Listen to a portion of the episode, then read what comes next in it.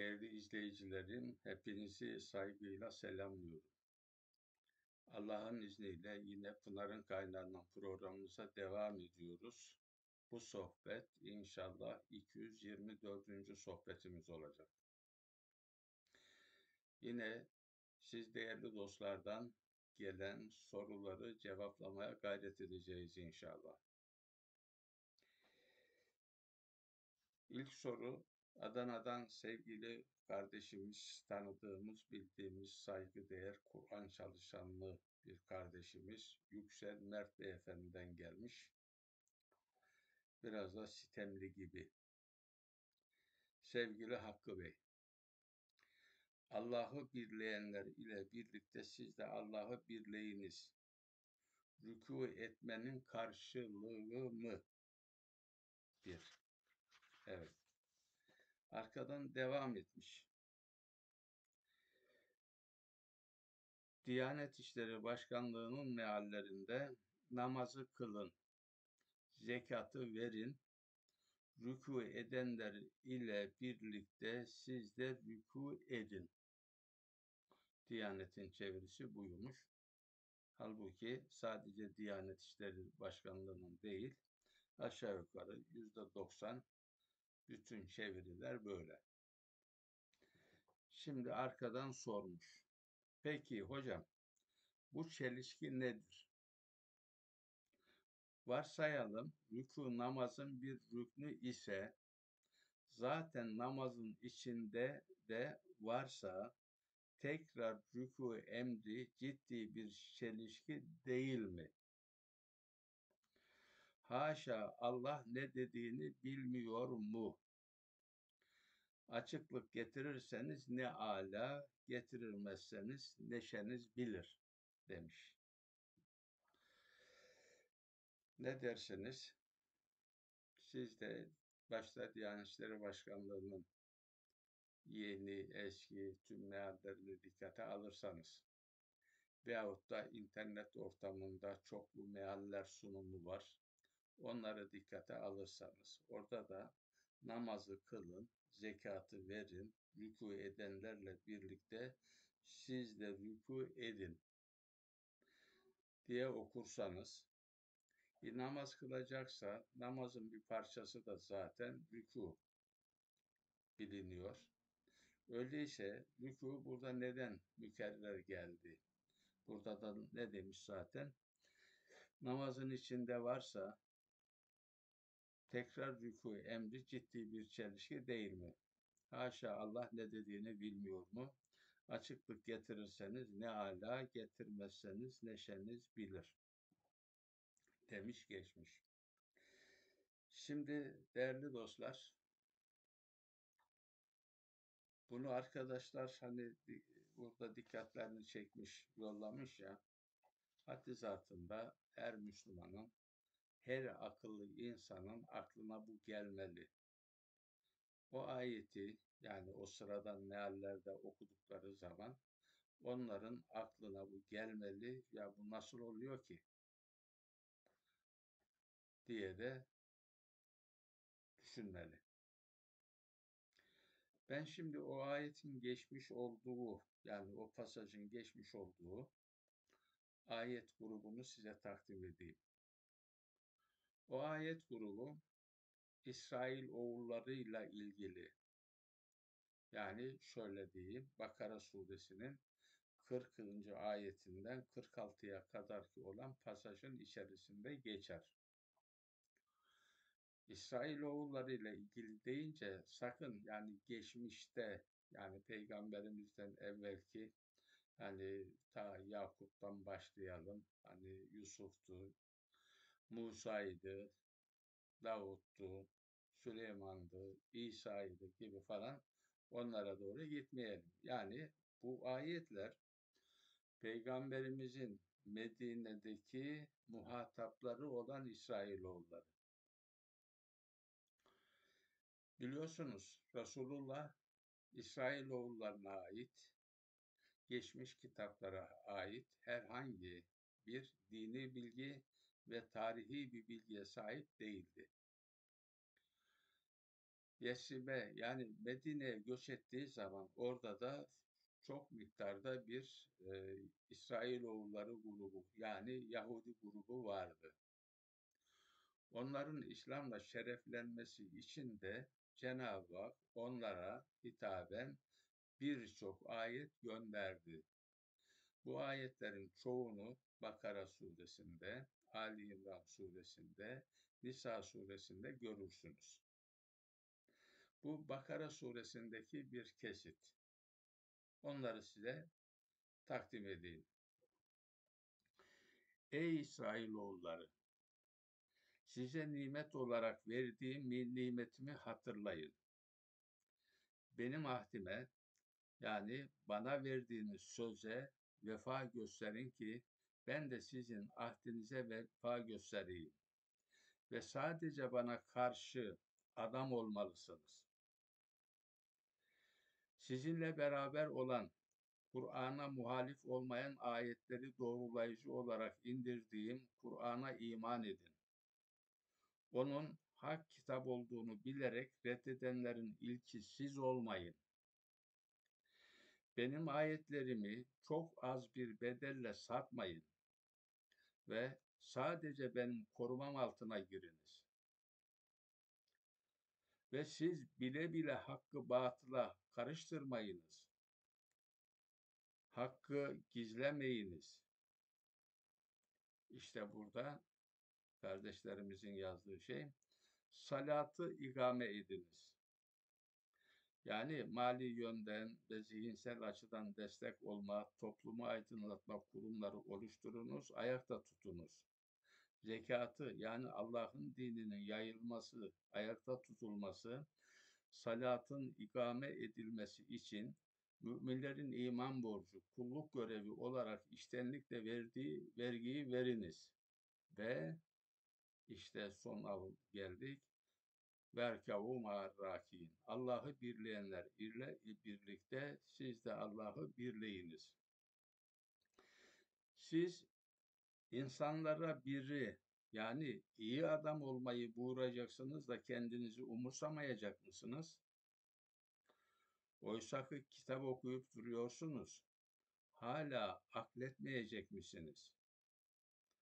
Bir de sabretmekle, salatla, yani mali yönden ve zihinsel açıdan destek olma, toplumu aydınlatma ile yardım isteyin. Şüphesiz salah ve salat ve sabırla yardım isteme, saygılı olanlardan, gerçekten Rabbine kavuşacaklarına inanan kimselerden başkasına çok ağır gelir. Ve şüphesiz onlar Rablerine dönen, yönelen, her işlerini Allah'ın ilkelerine uygun yapan kimselerdir. Evet pasajın tümünü gördünüz. Burada Medine'de bulunan Yahudilere, İsrail oğullarına resmen siz de Kur'an'daki gibi imana gelin, Kur'an'ı tanıyın, peygamberi tanıyın emirleri veriyor. Burada da İslam'ın ilkelerinden birinden bahsediliyor. Ne bu? Burada özellikle şirk koşmamalarını, Allah'ı birleyenler ile birlikte siz de Allah'ı birleyin. Burada orijinal sözcük verkâ'u ma'ar-râki'in. Buradaki sözcük rükû sözcüğü. Hani namazın bir bölümünde kıyam, kıraat, rükû diye sayılır ya, bel bükme olarak sayılır ya, o namazın içerisinde. Sözcük o ama orijinal anlamı namazın içerisindeki bel bükme değil. Onun için Müslümanlar biliyorsunuz yüzlerce, bin kere, on binlerce defa söyledik ki İslam'ın, Kur'an'ın birçok sözcüğünü, birçok e, kavramını bozdular. Ondan sonra da böyle arkadaşlarımızın tespit ettikleri gibi ve bize ilettikleri gibi mantıksız yani makul olmayan ifadeler ortaya çıktı. Şimdi buradaki sözcük, rükû sözcüğü tabii ki herkesin yani aklına namazda ayakta dururken eğilip belin bükülmesi olarak geliyor. Çünkü asırlardır milletin zihnine, aklına bu sözcük böyle sokuldu. Evet, onun için burada önce sözcüğün anlamını size bildireceğim. Bir başka daha örnek daha vereceğim. Rükûyla dikkatinizi çeksin ve zihninizde iyi kalsın diye. Sonra başka bir şeye geçeceğim. Kadim lügatların tümünde rükû sözcüğünün anlamları şöyle. Hep aynı eksende de onu söyleyeyim. Burada dört tane nokta tespit ettik. Birincisi rükû sözcüğü eğilmek, bükülmek, küçülmek, tam teslim olup itaat etmek, sözü yumuşatmak, kibar, tatlı söylemek demektir. Bu anlamda kullanılır. Rükû, inhina yani iki büklüm olmak demektir. Yaşlılıktan beli bükülmüş ihtiyarlara raka şeyhu, ihtiyar iki büklüm oldu denir. İki büklüm olma. Ee, rükû, zengin kimsenin sonradan fakirleşmesi demektir. Hani beli kırılmak deyimine eş bir anlam. Ee, rükû sözcüğü putlara tapmayan, Allah'a boyun eğmek, haniflik etmek demektir. Cahiliye Arapları aralarında puta tapmayıp yalnızca Allah'a tapanlara raki yani rükû eden Zeka ilallah, Allah'a rükû etti derlerdi. İşte orijinalini tespit ettik. Öyleyse burada cahiliye Arapların dilinde son olarak yerleşmiş olan hani e, şirk koşmayan, puta tapmayanlara, sadece Allah'a kulluk edenlere raki derlermiş. Öyleyse biz bu anlamlardan hangisini ele almamız lazım diyecek olursanız iki büklüm olanlarla siz de iki büklüm olun. Öyle beliniz hani beli yaşlılıktan hani iyice yere bükülün. Veyahut da beliniz kırılsın, zenginseniz fakir olun falan filan anlamlarını alamayız. Buradaki alacağımız şey ne?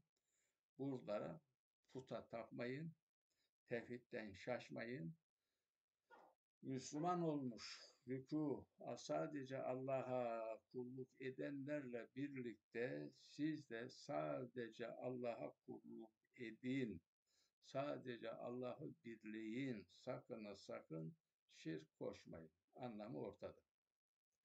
Ama zaman içerisinde hani bu anlattığım gibi mecrasından şaştı, gitti. Şimdi rükûyla ilgili hem biraz latife olsun hem hoşunuza gider. O da size başka bir ayet sunayım size. Bu ayet de Maide suresinin 55. ayeti. Lütfen not alın da meallerde göreceksiniz. Yine inceleyin mealleri. Ben size acizane kendi mealimden sunayım önce. Sizin yardımcı, yol gösterici, koruyucu yakınınız yani veliniz sadece Allah'tır. Onun elçisidir. Bir de Allah'ı birleyerek salatı ikame eden, zekatı veren, kulluk görevi olarak iştenlikle zekatı veren din iman etmiş kimselerdir. Allah burada şöyle ifade edeyim. Burada salatı ikame eden derken, zekatı ver derken orada vehum rakiun diye bir ifade var. Buradaki bu ifade, burada hani biz size söyledik, okuduk, öyle şey, Allah'ı birleyerek dediğimiz ifade. Şimdi bu ifade genellikle o meallerde görecek olursanız şöyle göreceksiniz. Sizin veliniz Allah'tır, onun elçisidir ve müminlerdir. Ama o müminler var ya, namazı kılarlar ve dikkat edin, Rükû ederken de zekat verirler. Rükû ederken, bakın dikkat edin. Hani rükû ederken dediğimiz ne? Şimdi klasik millete yutturulan anlamı namazda hani böyle belini bükmüş hal var ya, elleri dizlere koymuş ayaktayken belini bükmüş hal var ya, o haldeyken zekat verenler diye çevirilir. Ya şimdi hani burada da yine deminki Yüksel Beylerin orada dediği gibi hem namazda deniyor hem de rükû deniyor. Ama burada tuhaf olan bir şey daha var. Beli büklüyken zekat verecek.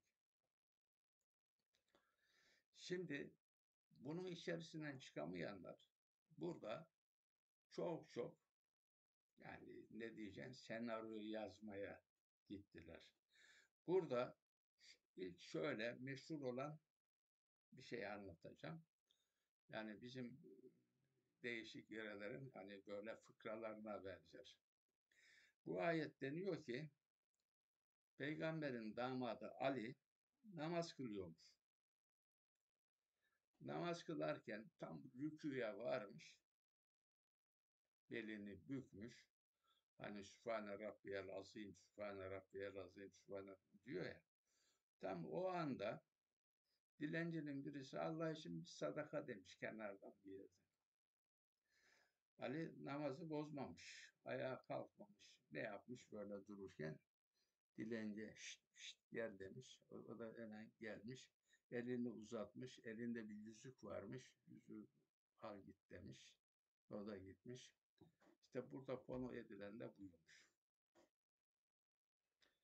Ee, oldu değil mi? Güzel bir fıkra. Yani biz bunu hani fıkra olarak e, anlasak herkes bunu şey yapar ama bu ayeti bu hale düşürdüler. Halbuki Allah orada şirk koşmadan bakın burada Allah'ı birleyerek yani yaptığı şeyde müminler burada şey yaparken bir defa şirk koşmamayı şart koşuyor Allah. Salat ikame edecek, salat yapacak, zekat verecek ama sakın sakın şirk koşmayacak diyor abi. Şirk koşmadan. Onun için dostlar rükû sözcüğü kesinlikle şirk koşmamak, Allah'ı birlemek, Allah'tan başkasına tapmamak demektir. Burada da hani orada ayet-i kerimede e, hani Bakara suresinde Yahudilere ama Müslüman olacaksınız. Bak sizin nimetinizi hatırlayın.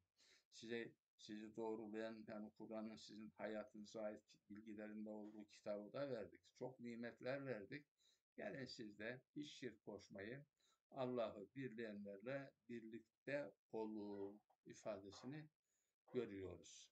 Yani oradaki rükunun klasik anlayıştaki rükuyla uzaktan, yakından herhangi alakası yok. Herhalde kardeşimiz burada hani demiş ya ne demiş neşeniz verir demiş. Biz gerçeği açıkladık artık onların neşesi bilir. Evet geldik başka bir konuya. Bu da İzmir'den Sayın Remziye Işık Hanımefendi.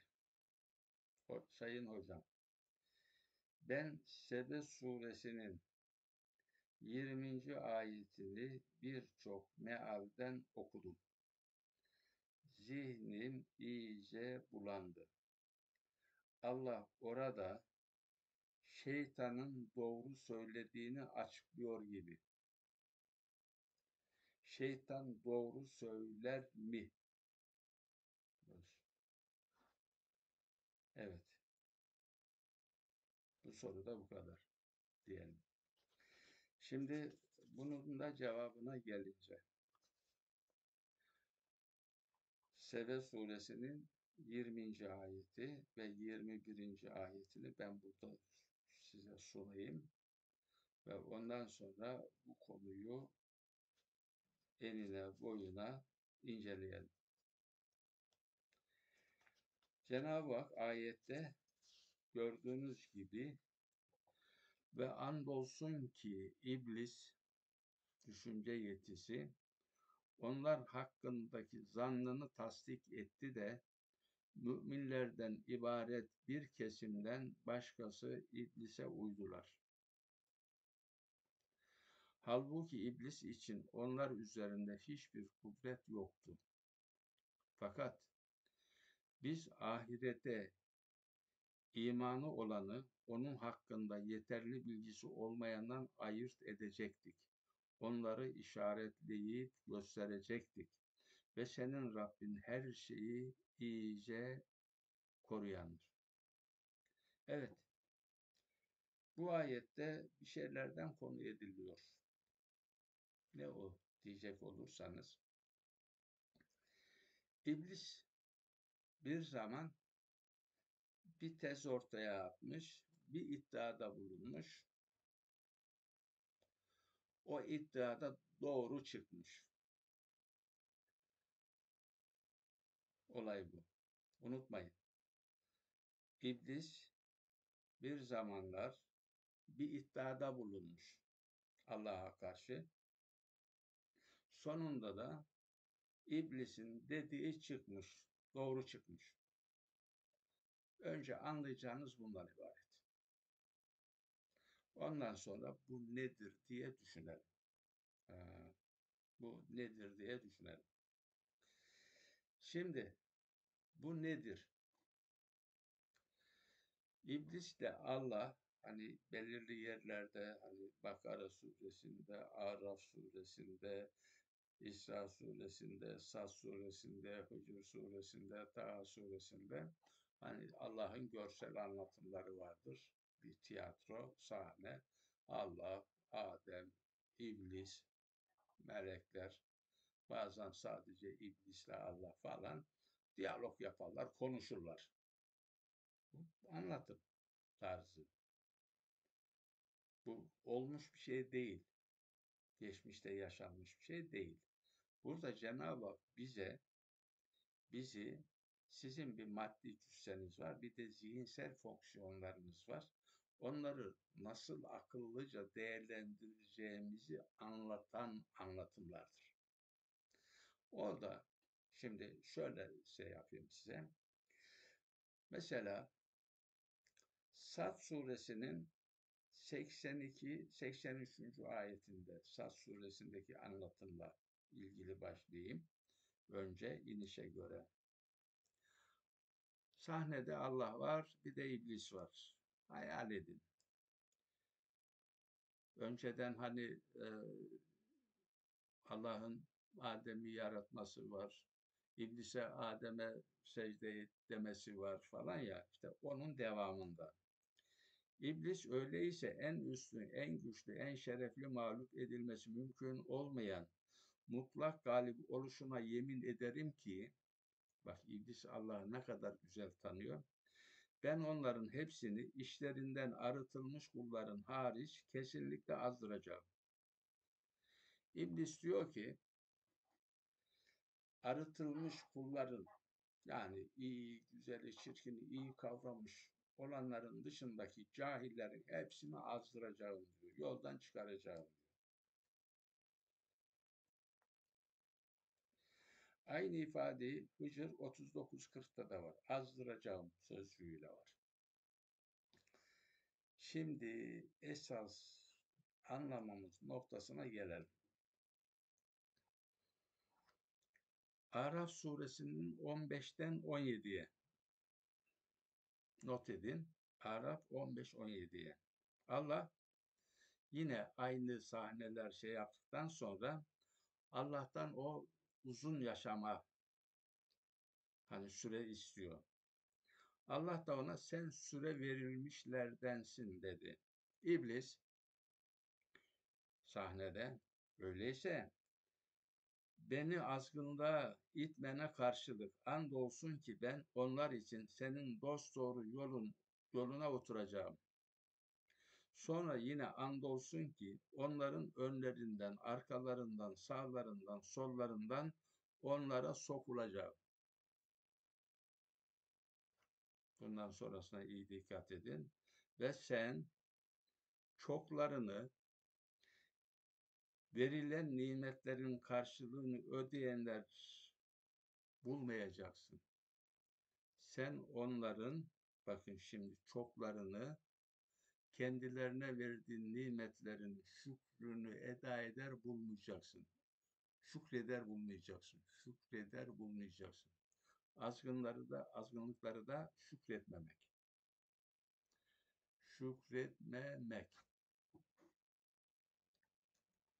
Evet. Burada şükretmemek. Burada Allah bu surede var ya bir şeyler anlatıyor. O ayette de iblisin senin kulların çoğu ki orada arıtılmışlar hariç demişti ya sana şükretmeyeceklerdi. Hani Araf suresinde dedi. Sebe suresinde de evet iblisin dediği çıktı. Bu anlattığım Sebe toplumu şükredenler değildi. İblis haklıydı. Burada iblisin haklı çıktığı bir şeydi bu dedi. Olay bu kadar özlü aslında da ben bu olayı biraz detaylı anlatayım size istiyorum. Şimdi konumuz şükür ama ben şükürü anlatmadan evvel size başka bir Nahl suresinden iki ayet vereyim. Bunlar ne diyeceğim? Kulağımıza küpe olsun. Bu iki ayeti hatta hatta ne yapalım? Bir tablo yapalım. Evlerimize asalım. Sabah akşam önce Allah'ın bu ayetlerini bir okuyalım. Bakın. Ve Allah bir kenti misal olarak verdi. Bu kent güvenli, huzurlu idi. Ve oraya her bir yerden rızkı bol bol gelirdi. Ne var ki onlar Allah'ın nimetlerine karşılık nankörlük ettiler, şükretmediler. Allah da onlara yapıp ürettikleri şeyler yüzünden açlık ve korku elbisesini, felaketini tattırıverdi. Ve andolsun ki onlara işlerinden bir elçi gelmişti de onu yalanladılar. Bunun üzerine onlar şirk koşarak kendi zararlarına iş yaparlarken azap onları yakalayıverdi. Evet. Allah bu örnek veriyor. Ne diyor? Bir güvenli kent. Huzurluydu. Her yerden rızık bol bol geliyordu onlara. Ne var ki onlar şükretmediler. Evet, şükretmediler. Allah da onlara yapıp ürettikleri şeyler yüzünden açlık ve korku elbisesini giydirdi. Allah sonra onların belalarını verdi. Ondan sonra o her taraftan rızık geliyordu, bol bol lüks içinde yaşayıp duruyorlardı ya. Onlar açlık ve korku içerisinde yaşamaya mahkum edildiler. Böyle bir kenti diyor. Bu kent nere biliyor musunuz? İşte Sebe ülkesinin o Sebe suresi var ya orada anlatılan ülke Sebe ülkesi. Bakın bunu unutmayın. Buradaki bu kent Sebe ülkesi. Şimdi önce madem bu, bu ayetler ne dedim size? Şükür eksenli. Şükür. Nankörlük edenlerin evet yaşadığı, yaşayacağı, yaşamaya mahkum olduğu hayat tarzı. Şimdi şükür. Şimdi şükür ne? Allah'ın verdiği nimetlere karşı şükran borcunu ödemek. Şimdi e, ama şimdi ne var? Hani çok şükür deriz. Değil mi? Birine karşı teşekkür deriz. Allah'sa böyle hani çok enteresandır. Lokman suresinde şimdi sadece kendisine değil anaya babaya öğretmene de şükredilmesini emreder. Onu da söyleyeyim. Öyleyse şükür ne demek? Onu iyice öğrenmemiz lazım. Elhamdülillah çok şükür ya Rabbi. Karnımızı doyuruyoruz sofrada. Hani masa, yemek masasından kalkarken çok şükür ya Rabbi deyip geçiyoruz. Şükür, şükür. Lafla bir şükür. Şükür lafla olmuyor. Bunu çok defa anlattım. Şimdi örneklemelerini de vereceğimden dolayı burada kısa anlatacağım. Böyle şey yapayım. Şimdi şükür sözcüğünün orijinal anlamı. Şükür sözcüğü yani din, iman, sosyal hayat yokken, sosyoloji yokken şu anlamda kullanılmış.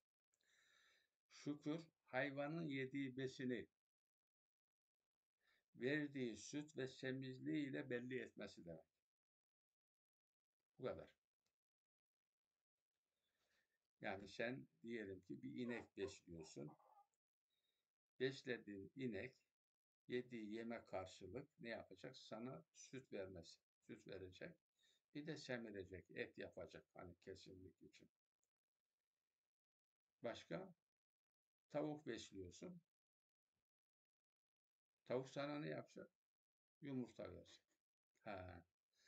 Beslediğin tavuğun sana yumurta takdim etmesi şükürdür işte.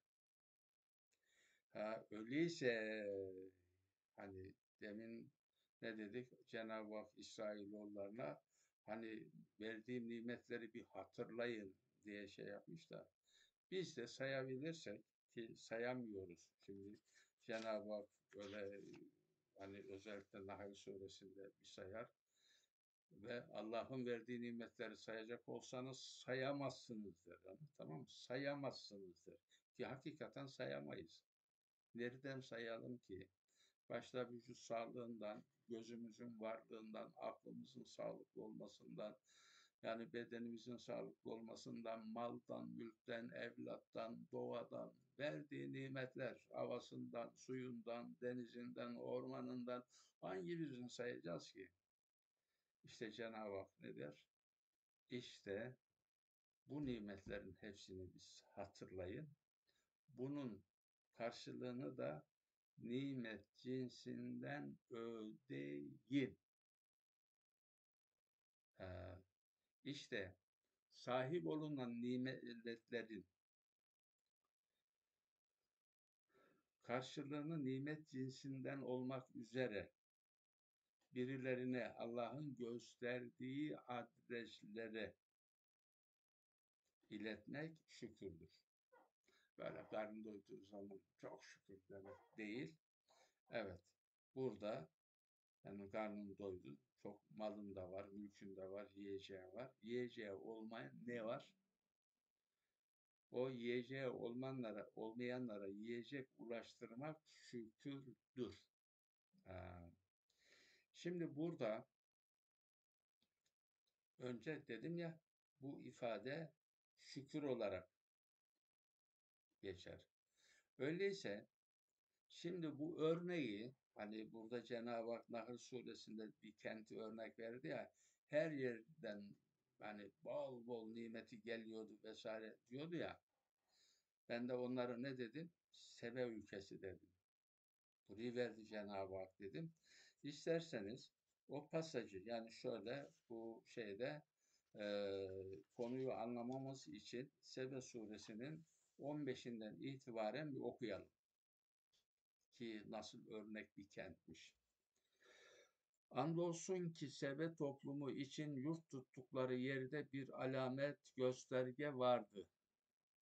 Sağdan ve soldan iki vahşe, Rabbinizin rızkından yiyin ve onun için nimetlerin karşılığını ödeyin. Ne güzel bir belde ve çok başlayıcı bir raf.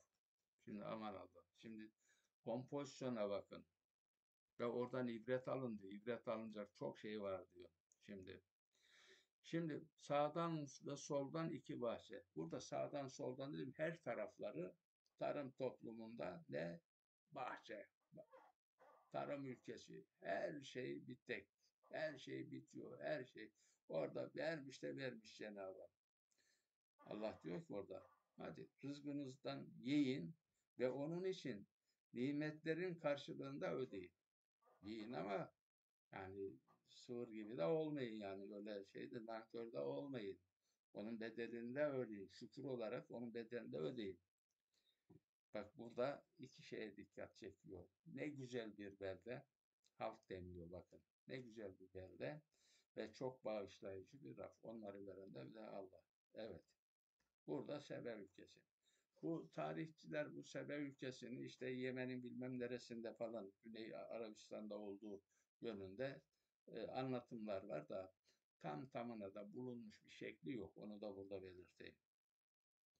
Fakat böyle olmasına rağmen onlar mesafeli durdular. Yani nimetlerin karşılığını ödemediler. Biz de üzerlerine barajların selini salıverdik ve iki bahçelerini onlara buruk yemişli, ılgınlık ve içinde biraz da sidir ağacı bulunan iki bahçeye çevirdik. Ha, nankörlükleri nedeniyle hep benim olsun dediler, kimseye vermediler, şükretmediler. Tamam baraj seli bir geldi, Şimdi baraj seli geldiyse o zaman barajları varmış o bahçeleri sularken hani Firavun'un barajı yıkarak Firavun'un boğduğu gibi var ya orada o arazide, o ovada, o vadide Allah ne verdiyse hepsini şey yapmış, kurutmuş, gitmiş. Orası bir çöle dönmüş. Buradaki hani şey e, buruk yemişli, ılgınlık ve içinde biraz da sidracı bulunan çöl bitkisi. Çöl haline geliverdi. Bu onların küfretmiş, Allah'ın ilahlığını, Rabbini bile reddetmiş olmaları nedeniyle bizim onları cezalandırmamızdır ve biz sadece çok nankör olanları cezalandırırız. Evet, şükretmemek. Burada böyle de şey yapıyor.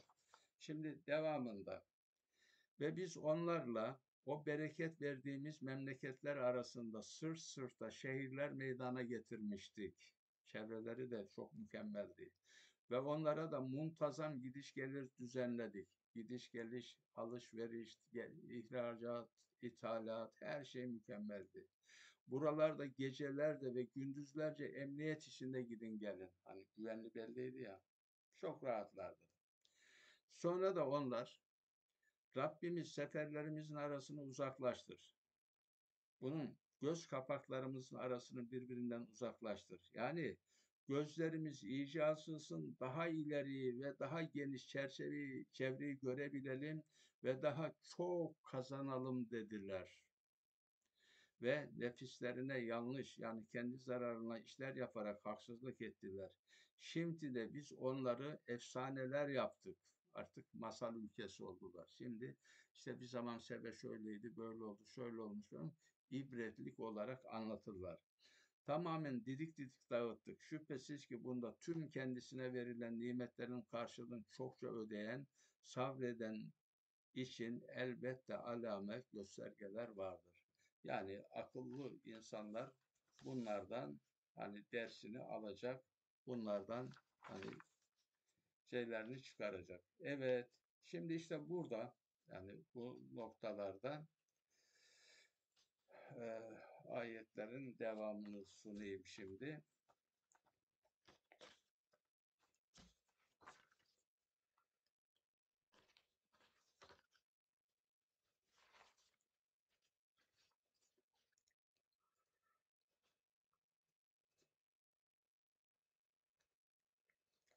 İşte burada 20. ayette de şimdi orayı vereyim ben size. 20. ayette de ve andolsun ki iblis bu olaylarda yani düşünce yetisi onların hakkındaki zannını tasdik etti. Hangi zan oldu? Hani Araf suresinde belirttiydi ya sen onları hani nankör bulacak, sana şükretmeyecekler. Çoğu sana şükretmeyecekler demişti ya. İşte o şükretmeyen topluma bu Sebe halkı örnek olarak verildi diyor Cenab-ı Hak. Evet, burada nankörler bunu böyle yaptı. Şimdi ve sadece şunu söyleyeyim bir de size. Ee,